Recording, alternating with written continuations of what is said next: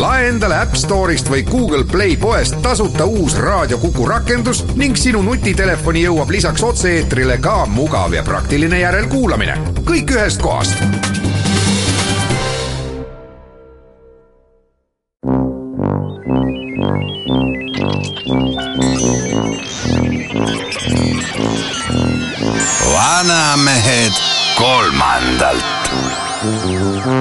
vanamehed aitab kolmandale Eesti Koostöökogu.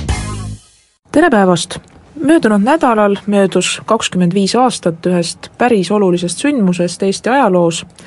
nimelt kokku tuli Eesti Kongress. Eesti Kongressist ja tollastest sündmustest, sellest, mis Eestis oli toimumas see põlvkond tagasi, sest paljud ütlevad, et kakskümmend viis aastat, see on ühe põlvkonna pikkus, täna räägimegi ja mul on väga hea meel siin Kuku stuudios tervitada kaht väga väärikat külalist, Euroopa Parlamendi liige ja omaaegne Eesti Komitee esimees Tunne Keram, tere Tunne! tere! ja siis on siin äsja Riigikokku valitud Andres Ammas, tere Andres! tere päevast! saatejuhi rollis Ülle Madise. no nii, tõenäoliselt ja ilmselt on põhjust selle üle õige õnnelik olla, on praegu juba Eestis üles kasvanud päris suur hulk noori, kellele sõnad äh, hirvepark või fosforiidisõda või roheliste rattaretk noh, tähendavad midagi, mis oli kunagi ennemuistsel ajal. et kui hakatagi sellest peale, et, et kuidas teie arvates see vabaduse lahtikerimine peale hakkas, kas kolmkümmend aastat tagasi, kas aastal kaheksakümmend viis oli juba midagi teisiti kui mõni aeg varem või kindlasti oli teisiti, aga äh, võib-olla see vahe on see, et äh, tänapäeval me mõtleme, et kas niimoodi tasub teha, on igasugused võimalused, kas me läheme selle, sel-, sellise karjääri peale või omandame sellise hariduse, elukutse, tookord oli küsimus lihtsalt nagu eksistentsiaalne, kas me jääme püsima rahvusena või mitte, sest äh, minu meelest kõigil tiksus kuidagi niisugune sisemine kell, et äh, kui nii edasi läheb, Nõukogude koloniaalpoliitika jätkub, millal äh, saabub see hetk, et eestlased jäävad oma kodumaal vähemuseks ja sellega oleks igasugune lootus iseseisva riikluse taastamiseks olnud läbi.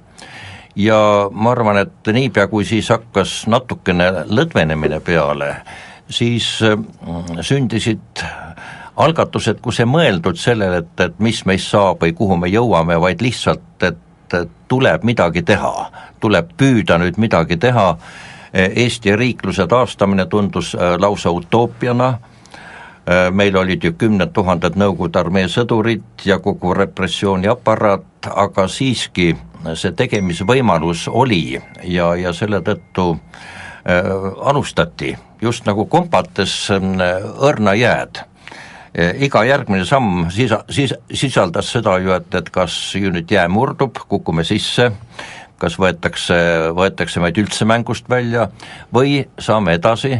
Ja see niisugune loominguline olukorra kompamine ja uute lahenduste otsimine, see sündis just, ma ütleksin, alateadlikult, see oli nagu mingisugune terve instinkt, et katsume midagi teha, mida annab. nüüd koolilapse ja lapsevanema seisukohalt vist tuleb tollasest ajast meenutada sellist nime nagu Elsa Gretškina, kes oli haridusminister ja ma usun, et õige paljudes peredes räägiti ka sellest, et Eesti koolide venestamise plaan seal kaheksakümnendatel oli küllaltki jõuline ja tõenäoliselt kui see oleks läbi läinud, et siis siis tõesti noh, seda eesti rahvust ja kultuuri sellisel viisil õige varsti enam olnud ei oleks.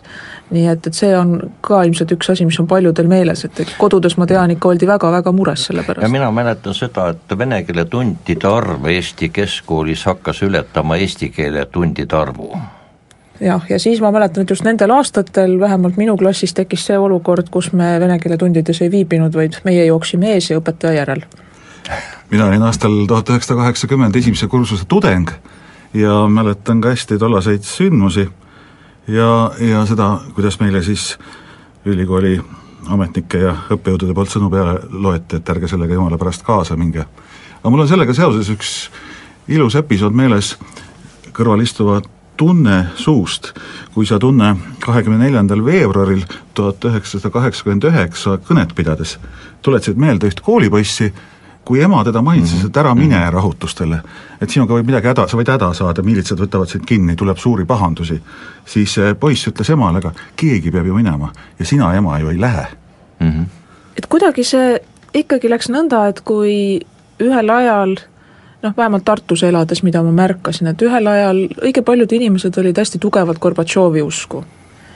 et siis midagi ühel hetkel ühiskonnas murdus ja ma ei oska praegu enam meenutada, mis aasta see täpselt oli, aga ma arvan, et see oli just see aeg, kus kus ERSP oli saanud küllalt populaarseks, kus kodanike komiteede liikumine oli alanud, kongress võib-olla ka kokku tulnud, et kus needsamad inimesed muutusid väga tugevateks ERSP ja, ja ütleme, selle õigusliku järjepidevuse alusel riigi taastamise toetajateks, et seda oli, oli suhteliselt kummaline jälgida ja siis on ka need mälupildid, kuidas tollal ikkagi kommunikatsioonivahendid olid hoopis teised, nii et et inimesed lugesid neid siis poliitiliste rühmituste teadaandeid ja seisukohti plankudelt, tulpadelt, inimesed seisidki ja lugesidki, et vot selline, selline aeg oli. Minu põlvkonna jaoks oli väga oluline teenäitaja Eesti Muinsuskaitse Selts ja kui algul tundus, et kui Trivimi Velliste tavatses noh, oma kõnede lõpetuseks öelda midagi taolist, et kõige suurem kaitsmist vajav muinsus on Eesti Vabariik, siis alguses tundus see niisuguse noh, literatuurse kujundina pigem. aga ega me selle peale, kuidas see siis, kuidas see pärale jõudmine võiks aset leida, kuidas see tee võiks pärale jõuda, ega me selle peale ei osanud suurt mõelda, enne kui siis RSP ja, ja teiste vabamõtlejate nagu Harald Tillemann ja Rein Taagepera eestvõttel see idee kuidagi formuleeruma hakkas?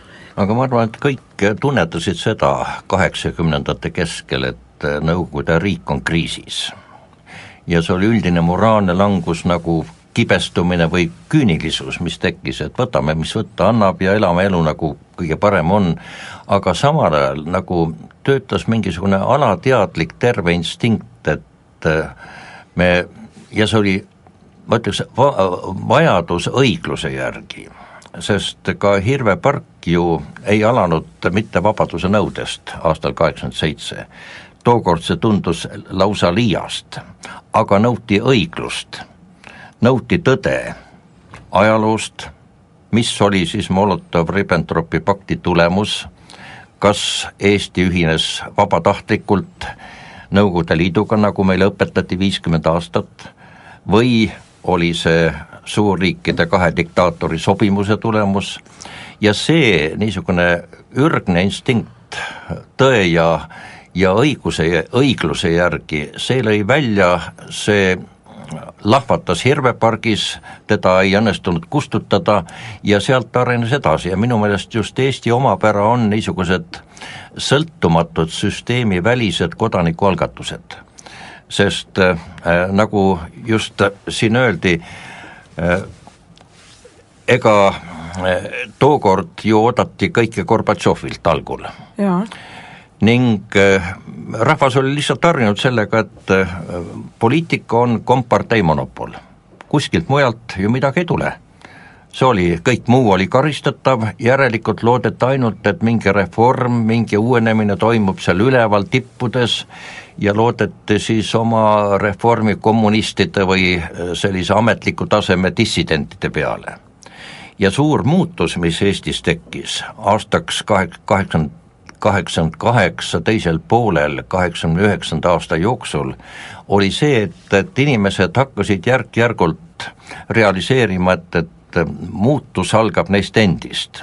ja kui me vaatame, mis selle protsessi tulemus oli, kui ligi kaheksasada tuhat inimest oli registreeritud üheksakümnenda aasta alguseks. Eesti kodanikena. tulemuseks oli uus paradigma, täiesti uus nägemus, eh, mitte niisugused arglikud või ebalevad reformid Nõukogude süsteemi raames, mitte poolikud tõed, vaid nägemus oli tekkinud täiesti iseseisvast Eesti rahvusriigist. ja ma arvan, et see oli see suurim murrang tegelikult, mis ju kodanike komiteede liikumise käigus tekkis. see oli, ma ütleks, tegelikult ju rahvahääletus tõeliselt iseseisva rahvusriigi kasuks.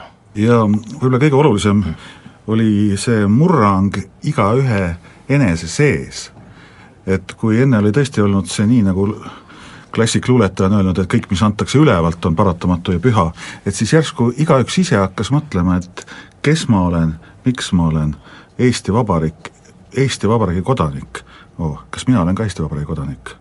kuidas ma olen? mis see tähendab? Kas ma julgen seda tunnistada ka teistele, et ma olen Eesti Vabariigi kodanik? kas ma julgen seda kirjalikult mm -hmm. tunnistada?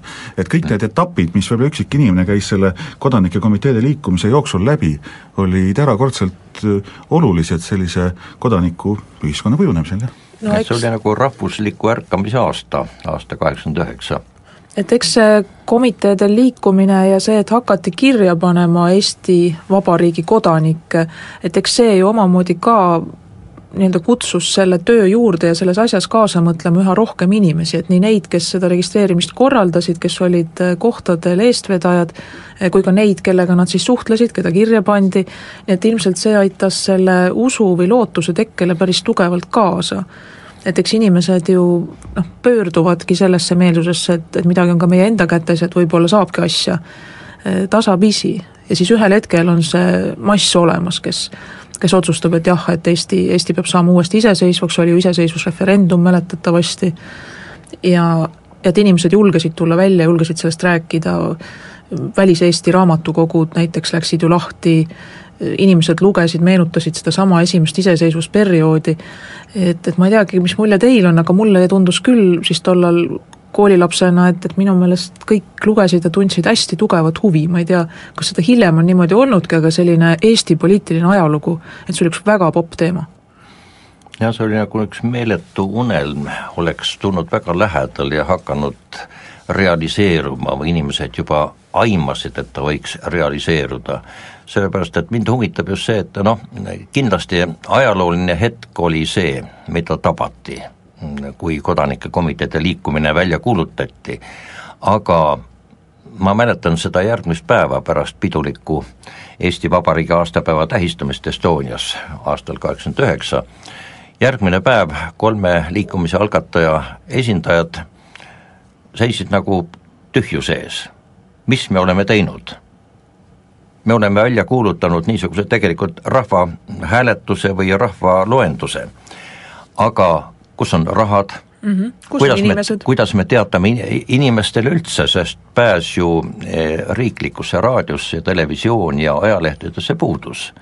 Nõukogude võimud ei surunud seda maha otseselt, aga nende hoiak oli ju selgelt eh, laitev, eh, hoiatav ja väga väga küüniliselt lausa ju levitati teated, et no mis te teete, te panete ennast kirja uuele Siberi küüditamisrongile, vaadake ette. ja huvitav muutus oli ju see, et, et kolmveerand aasta pärast hakkasid sellele rongile hüppama ka Nõukogude ametnikud ja kompartei liikmed, sellepärast et oli selgunud, et see rong ei lähe enam Siberisse, vaid läheb läände. loodetavasti. ja keegi ei tahtnud maha jääda ja nii nagu suured masinavärgid, nii ka see rong läks käima suhteliselt aeglaselt ja siis järjest kiiremini. et äh, esimene sada tuhat registreerunut, see võttis ikka aega. aga kusagil jah. kevadel, seal aprilli lõpus, mais, juuni alguses koos ilusa ajaga, kui äh, saadi juba tulla tänavale registreerima, siis läks asi käima, iga järgmine sada tuhat tuli järjest kiiremini ja siin on meil paras aeg pidada üks väike paus ja pärast seda laiendame konteksti siis teistele liikumistele, mis samal ajal olid ja siis juba konkreetselt Eesti Kongressi valimiste ja istungjärkude juurde.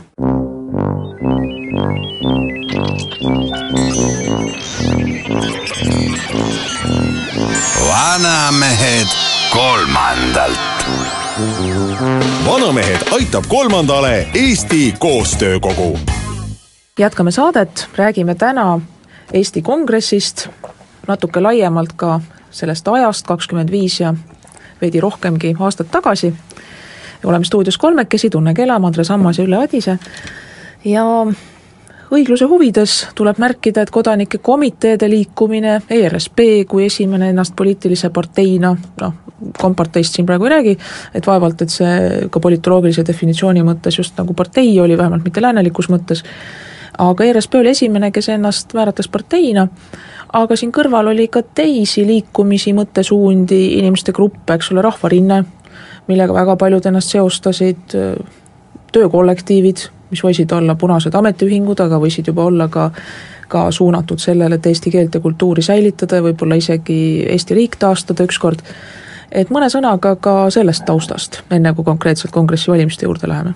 No mind huvitab siin just äh, sisu, mitte niivõrd vorm. sellepärast, et äh, veel kaheksakümne kaheksanda aasta suvel oli, kehtis see tabu, et komparteil on poliitilise, poliitika teostamise monopol. ja teised äh, liikumised just maskeer-, maskeerusid liikumiste või kultuuriseltside nime alla, aga tegelikult mis sees toimus, oli juba poliitiline ja täpselt samuti ütleme, väga sageli ja siiamaani veel vastandatakse kodanike komiteesid ja rahv-, rahvarinnet. nagu ja kodanike komiteesid ja Eesti Kongressi käsitletakse nagu mingisuguse opositsioonina rahvarindele või Nõukogude võimule, tegelikult just see sisu töötas altpoolt kogu aeg, sest kodanike registreerimise käigus jah, Rahvarinde juhtkond algusest peale hoiatas mitte liituda, see, see segab niisuguse paindliku või sellise, sellise poliitika ajamist, mis loodab kompromisse saavutada, aga tegelikkuses, tegeliku registreerimise käigus kodanike komiteedes töötasid kõik koos juba olid nad Rahvarindesse kuuluvad inimesed või muinsuskaitse inimesed või ERSP-lased ja paljud kuulusid mitmesse korraga. Nii et see rohujuurte tasandil rahvusliku ühtsuse tekkimine ideaali ümber, milleks oli Eesti rahvusriik ja täielik sõltumatus, see oli, mis muutis lõppude lõpuks ka tipp, tippude suhtumist, sest Eesti Kongress oli ju kodanike poolt valitud esinduskogu ja hõlmas kõige laiemat poliitilist spektrit, mis tookord üldse oli olemas, kolmkümmend üks parteid ja liikumist. Äh, kaasa arvatud Kommunistlik partei, kes valis oma esindajad Eesti Kongressi. hea, et sai juba nimetatud Töökollektiivide Liit Ülo Nugise eestvõttel, minu meelest oli sellel organisatsioonil erakordselt tähtis roll sellele, et Eesti Kongressi valimised praktiliselt hästi õnnestusid mm. -hmm. ma mäletan Haapsalust ühte koosolekut detsembrist kaheksakümmend üheksa, kus loeti oma napid rahavarud kokku, leiti, et umbes tuhat rubla on valimiste läbiviimiseks, rubla ei olnud siis enam kõva raha, rubla kukkus kolinal ja just sel nagu otsustaval hetkel tuli siis Töökollektiivide Liit, koha peal esindas seda vabriku Sulev direktor otsustavalt appi ja Lääne maavolikogu, mis oli siis kaheksakümne üheksanda aasta sügisel valitud, otsustas, et Eesti Kongressi valimised viiakse läbi samades jaoskondades, kus toimuvad ka Ülemnõukogu valimised. nii et sellega oli antud selline organisatoorne baas nendeks valimisteks.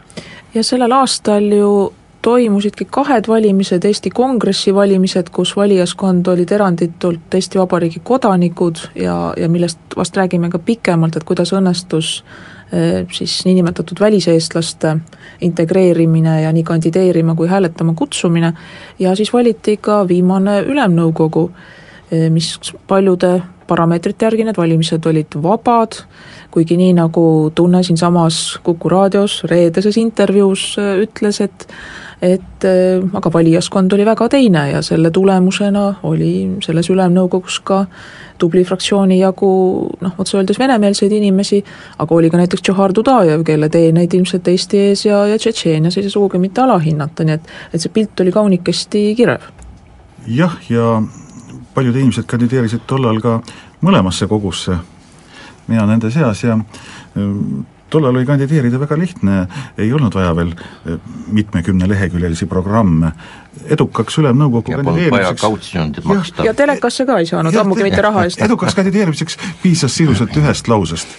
mina noore mehena ei osanud muud kui öelda, et mina lähen ülemnõukokku viima ellu Eesti Kongressi otsuseid ja sellest oli valijatele täiesti küll. ideaalne, ideaalne programm. täiesti küll, nii et eh, noh, tegelikult eh, oli see omamoodi huvitav, see kahe tee valik ja järgmise aasta-poole-teise jooksul ju nende kahe kogu ühelt poolt koostöö mingitel ajahetkedel ja teiselt poolt konkurents ja selline kiivus ja kohati kadedus üksteise suhtes määrasid selle Eesti sisepoliitilise palge ja seal oli nii helgemaid kui, kui õnnetumaid perioode, aga noh, ju need oli ikka mõlemat vaja, mulle tundus. kahju, et, kahju, et ühelt poolt ei kandideerinud Eesti Kongressi võib-olla kõik need, kes oleksid võinud selle kogu mitmepalgelisemaks muuta. Ja teiselt poolt oli kahju muidugi sellest, et usk Eesti Kongressi valitud tee õigsusesse oli, oli paljudel nii enesestmõistetav ja veenev, et et paljud tollased poliitilise elu tegelikult liidrid ei pidanud vajalikuks kandideerida Ülemnõukokku. No see oli väga raske küsimus tegelikult, sest tõepoolest, kui me lähtusime sellest, et Eestis Nõukogude okupatsiooniga likvideeriti seaduslik riigivõim ja nüüd oli ta muutunud palju demokraatlikumaks küll, aga just kodanike komiteede liikumise eesmärk oli taastada seaduslik riigivõim ja siit tekkis see kohutav dilemma, et no mida me siis teeme. Kas me oleme usutavad, et me valime Eesti Kongressi, kodanike esinduskogu ja samal ajal läheme kaasa Ülemnõukoguga, mis tugineb hoopis teisele valijaskonnale ja teisele süsteemile. see vastuolu oli arusaadav, aga minu meelest, mida Andres ütles just, et Ülemnõukogu ja Eesti Kongress kattusid üsna, üsna palju ja see aitas väga palju kaasa selleks.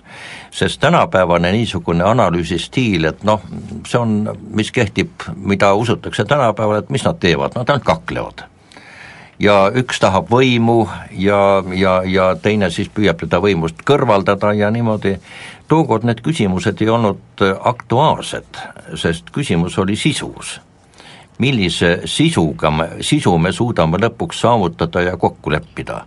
sest äh, eks ole, väga tugevalt kerkis tookord esile ka aastal kaheksakümmend üheksa ju kolmanda vabariigi idee, millega tuli välja Edgar Savisaar, see tähendab, et Eesti Vabariik oli esimene, see on surnud, minevik, surnud taaselustada pole võimalik nüüd on teine Eesti, olgu ta hea või halb, see on Nõukogude Eesti, ja kui hästi läheb, siis kuulutame välja kolmanda Eesti.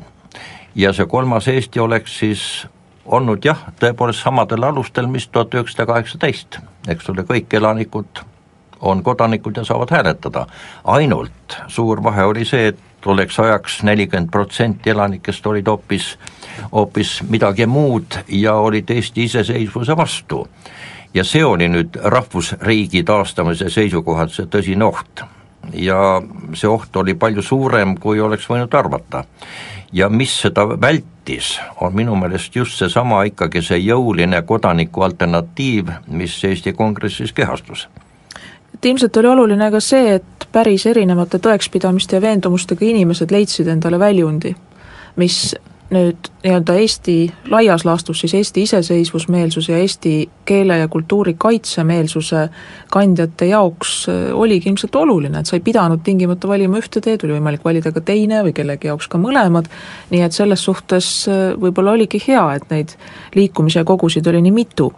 aga nüüd selle põhiteema juurde, umbes poole saate peal, et kui nüüd need valijate nimekirjad saadi kokku, kaasa arvatud äh, siis suudeti, ma saan aru, kirja panna need, kes olid okupatsiooni eest põgenenud välismaale, need niinimetatud väliseestlaste, alatiselt välismaal elavate eestlaste nimekirjad, et kuidas see saavutati, et nii palju inimesi võttis sellest hääletusest osa?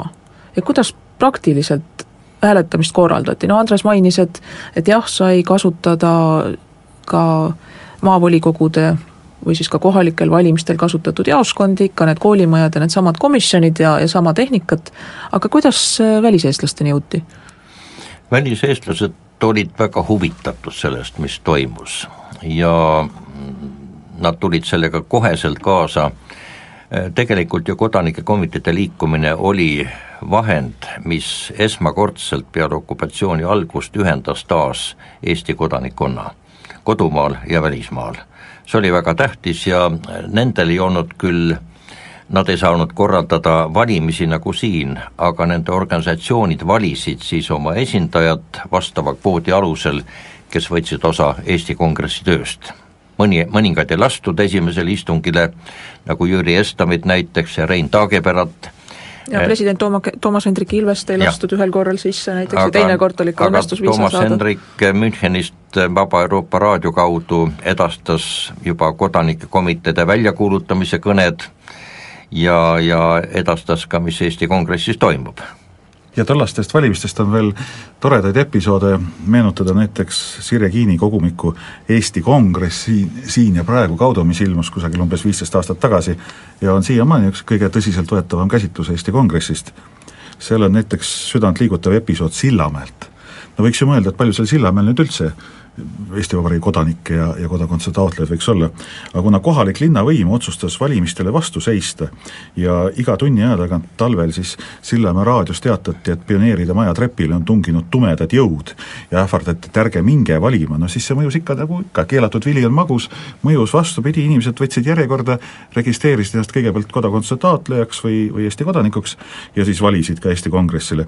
ja seal on väga kaunis episood, kuidas kogu päeva üks kaheksakümneaastane vanamemm Pauliine Laar sei-, seisis seal valimiste nii-öelda selle urni või selle kasti kõrval ja jälgis, et keegi jumala pärast sinna suitsu otsa ei paneks või mingit prahti ei paneks või et pärast need valimiste tulemused kuidagi tühiseks ei osutud. niisuguseid episoode on kümneid, kümneid, sadu, nii et et see oli, see oli väga liigutav, kuidas need valimised ka reaalsuses toimusid. sa mainisid Aga... möödaminnes üht riigiõiguslikult õige huvitavat asja, et kirja pandi ka need, kes soovisid Eesti kodakondsust saada.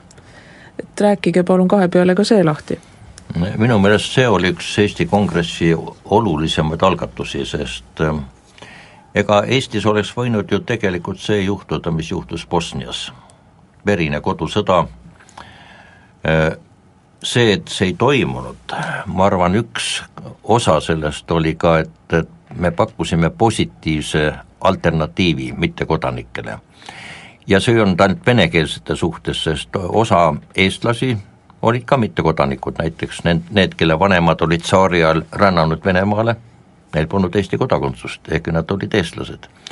ja see, et, et see tundus absurdsena algul, ma mäletan ka seda, et noh, pakkuda kodakondsuse taotlemise võimalust inimestele, kes elavad Nõukogude Liidus, riik toimib, neil on passid olemas, mis, mis Eesti Vabariik see on?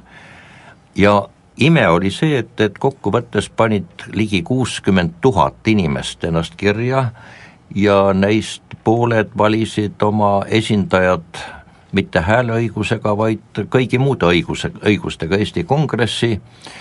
Ja ma arvan, et see positiivne alternatiiv lõhestas interrinde ja takistas neid niisuguseid radikaalseid, radikaalseid vastutegevusi ja tulemus oli see, et äh, Eesti Kongressis äh, oli võimalus juba, juba mittekodanikel lülituda töösse ja me lubasime neile, sellise kaugele nägeva julgusakti eest neile, kui see ime sünnib, et Eesti Vabariik tõesti ilmub tegelikkusesse, siis nad saavad kodakondsuse ilma mingite lisanõudmisteta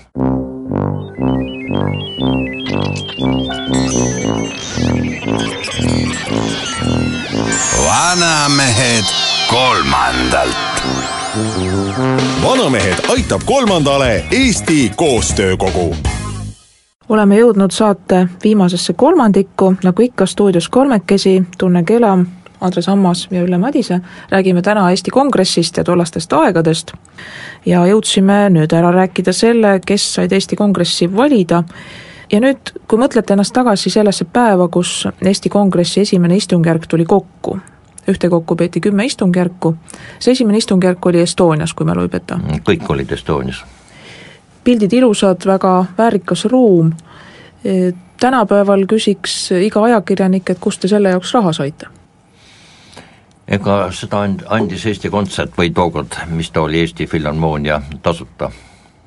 tookord oli kõik tasuta ja neid asutusi oli kokkuvõttes siiski päris mitu, kes ühel või teisel moel kodanike komiteede liikumist toetasid mm -hmm. ja Eesti Kongressi pärast ka, nii et äh, aga kui sa veel meenutasid toda päeva, siis ma ei saa jätta mainimata mm, kõige emotsionaalsem hetk, seal oli palju emotsionaalseid hetki, aga minu jaoks kõige emotsionaalsem hetk oli näha kaitseliitlaste noh, ütleme siis ahelikku Estonia ees, see oli muuseas Kaitseliidu esimene tõsiseltvõetav operatsioon üldse või noh, aktsioon või, või, või ülesanne täita.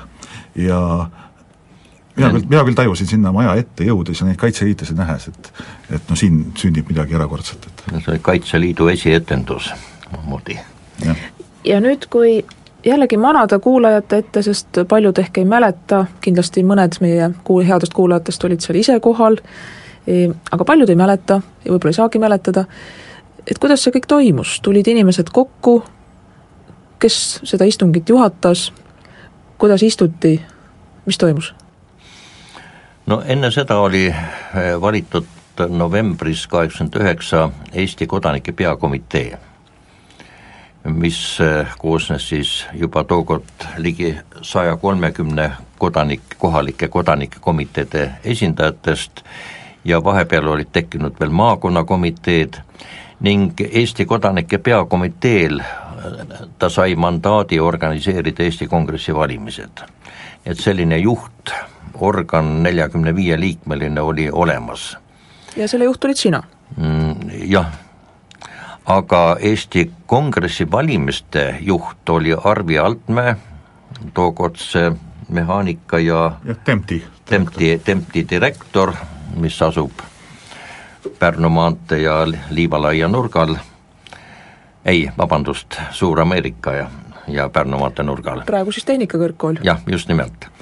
ja see oli fantastiline, mida tema, tema suutis teha, sest valimised olid tõelised ju eri mm, nimekirjade vahel, Ameerika konsul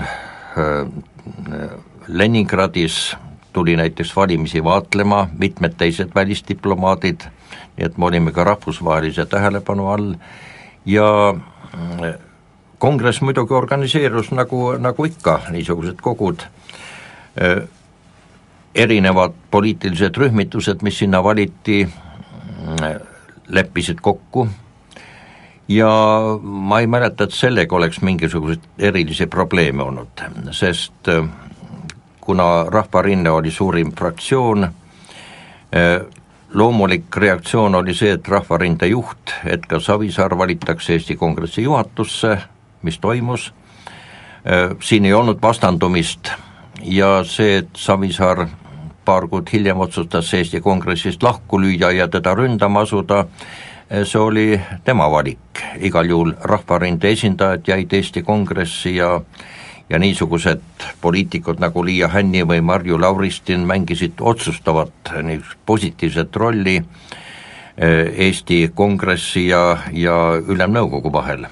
sest Põhiseaduse Assambleeni jõuame ka ja nemad olid äh siis nende inimeste hulgas, kes olid valitud mõlemasse kogusse ja kes siis ka mõlema töös osalesid. nagu Andres Hammas ja Kaido Kama, Laar. tahaksin see Eesti Kongressi töökorraldust veel tunnustada selle eest, et minu meelest see oli paljustele, paljudele tollastele ja hilisematele poliitikas kaasa löödnutele tõeline parlamentarismi ja demokraatia kool. mind kui noort ja, ja vähekogenut hämmastas küll see, millise niisuguse elegantsiga ja ja, ja loomulikkusega peeti seal debatte, kuidas seal austati vastast, austati oponente, see kõik ma kuidagi mõtlesin kogu aeg, et no kust need inimesed kõik tulevad. tuleb Kaido Kama kuskil kampsunis metsast ja, ja, ja oskab seda kõike, mida kusagil lääneriikides õpitakse aastakümneid. võib-olla Eesti Kongressi tagantjärele vaadates üks pisut isegi õnnetus oli see mm, julgeksin öelda, kohatine langemine niisuguse sõnamaagia kütkesse, et seal võidi ennast unustavalt redaktsioonikomisjonis vaielda no natuke, natuke stiilis ja või ning, eks ole. no mõne, mõne näiliselt mm -hmm. mitte kõige olulisema sõna üle, aga see oli tegelikult tohutu kool, tohutu harjutus, kuidas jõuda täpsete, üheselt arusaadavate noh, väärtust omavate tekstideni aga ma ütleks ka sisuliselt, eks ole, vorm nüüd juba see oli suur saavutus, et niisugune esinduskogu on koos, tal on mandaat riikluse küsimustes mida Ülemnõukogul kindlasti ei olnud, aga oluline oli see, et Eesti Kongressis valmistati varem ette paljud sisulised asjad ja Kaido Kama on näiteks meenutanud, et kuidas Eesti Kongress valmistas juba teisel istungil ette omandireformi põhialused, milleni Ülemnõukogu polnud veel jõudnud. Nimelt järgmine kuu Ülemnõukogu võttis vastu omandiseaduse, aga mis lihtsalt tunnistas, et sotsia-, sotsialistlik omandi kõrval võib olla ka eraomand samal ajal Eesti Kongress juunikuus üheksakümmend võttis juba otsuse omandireformi aluste kohta ja sellele tuli siis Ülemnõukogu järgi järgmine aasta. aga see, et Eesti Kongress sisuliselt juhtis reformide protsessi ja avaldas positiivset mõju Ülemnõukogule, et need jõuaks mis oli noh, ütleme nõukogulikest elementidest palju enam läbi imbunud avaldas survet, et Ülemnõukogu jõuaks samasuguste otsusteni ja minu meelest väga tähtis oli see just äh, aprillis äh, üheksakümmend, kui me jõudsime, see oli esimene väga hea koostegevus Eesti Kongressi Ülemnõukogu vahel, nimelt me kuulutasime mõlemad välja analoogiliste avaldustega üleminekuperioodi, mis peab päädima seadusliku riigivõimu taastamisega. autoriks oli Endel Lippmaa, kes oli samuti Eesti Kongressi Ülemnõukogu liige ja kes pani sinna ladina, sinna sisse ladinakeelse termini restitutio ad integrum. ja pidas peenikest naeru, et ega need seal Toompeal ei tea, mis see tähendab no.. aga tegelikult jah, vabandust. Ei, et ei, see oli lihtsalt aga, aga no ma usun, enamik poliitikutest küll ei teadnud seda. No eks need, kes ülikoolis pidid ladina keelt õppima, no et need arvatavasti neid oli väga vähe.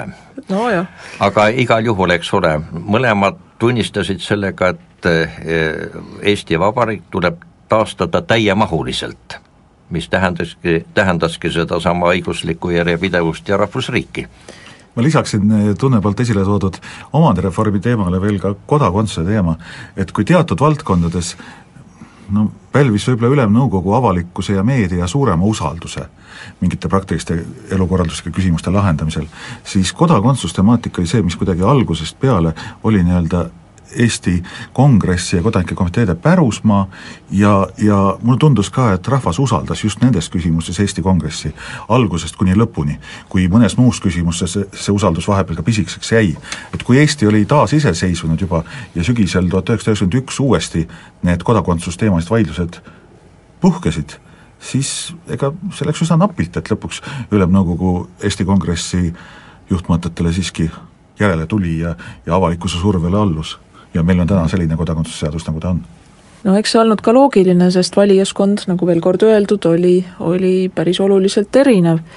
esimesel istungjärgul oli kohal ka Heinrich Mark, kes oli tollase eksiilvalitsuse juht, kas polnud? jah.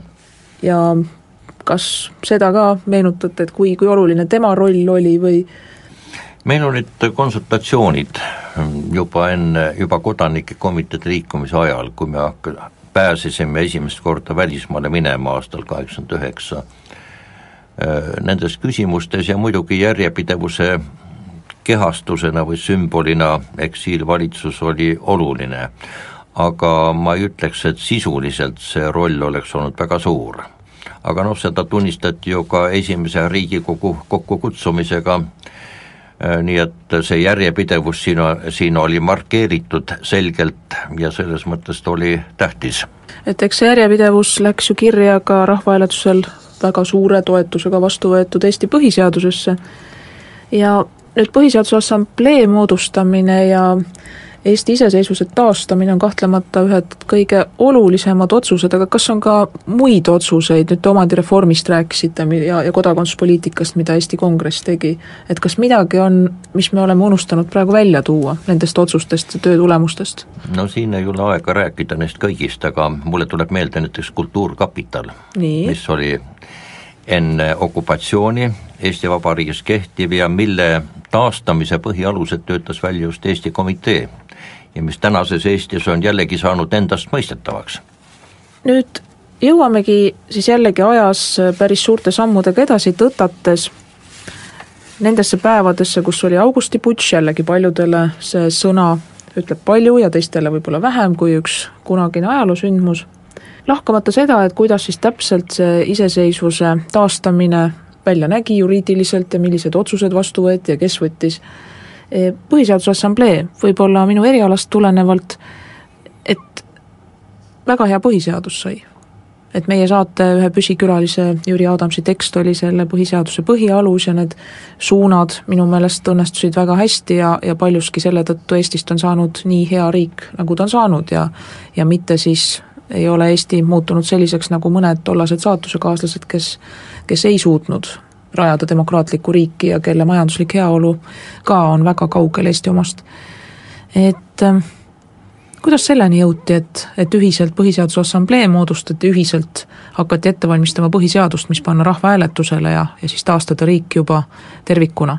et üks idee oli ju ka see, et võtame lihtsalt kolmekümne kaheksanda aasta põhiseaduse, paneme kehtima, et mingit assambleed pole tarvis jah, aga minu meelest see oli kahekümnenda augusti äh, kõige sisuliselt kõige olulisem moment, sest kui me algusest peale kõnelesime seadusliku riigivõimu taastamisest ja okupatsiooni lõpetamisest, siis kui me saavutasime kahekümnendal augustil kokkuleppe, eh, kuidas, kuidas tegutseda, et me ei kuuluta välja nii uhke, kui see ka ei kõlanud, Eesti Vabariigi iseseisvust, vaid me taas kinnitasime seda, siis reaalseks väljundiks oli just nimelt kokkulepe, et, et kuidas me siis läheme selle seadusliku riigivõimu taastamiseni. selleks moodustame Põhiseaduse Assamblee me ei võta automaatselt üle kolmekümne kaheksanda aasta põhiseadust, mis oli presidendi keskne, vaid laseme siis sel assambleel töötada välja uue põhiseaduse. ja kompromiss, väga mõistlik kompromiss oli see, et assambleesse kuulus võrdne arv liikmeid Eesti Kongressist ja Ülemnõukogust tulemus oli see, et Põhiseaduse Assamblee liikmed ise hääletasid eri põhiseaduse variantide vahel ja tulemusena siis Jüri Adamsi variant võitis, selle alusel hakati põhiseadust lõplikult vormistama ja täiendama.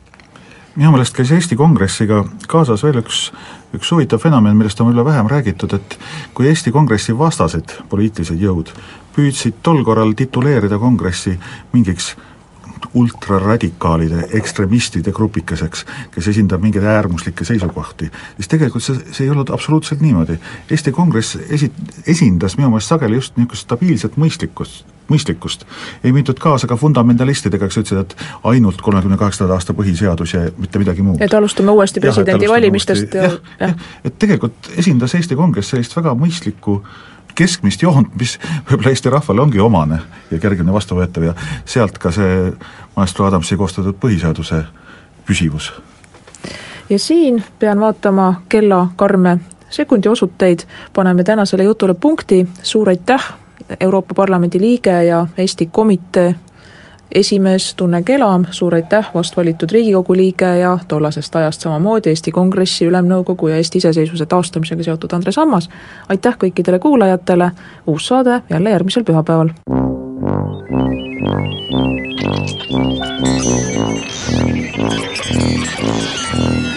vanamehed kolmandalt. Vanamehed aitab kolmandale Eesti Koostöökogu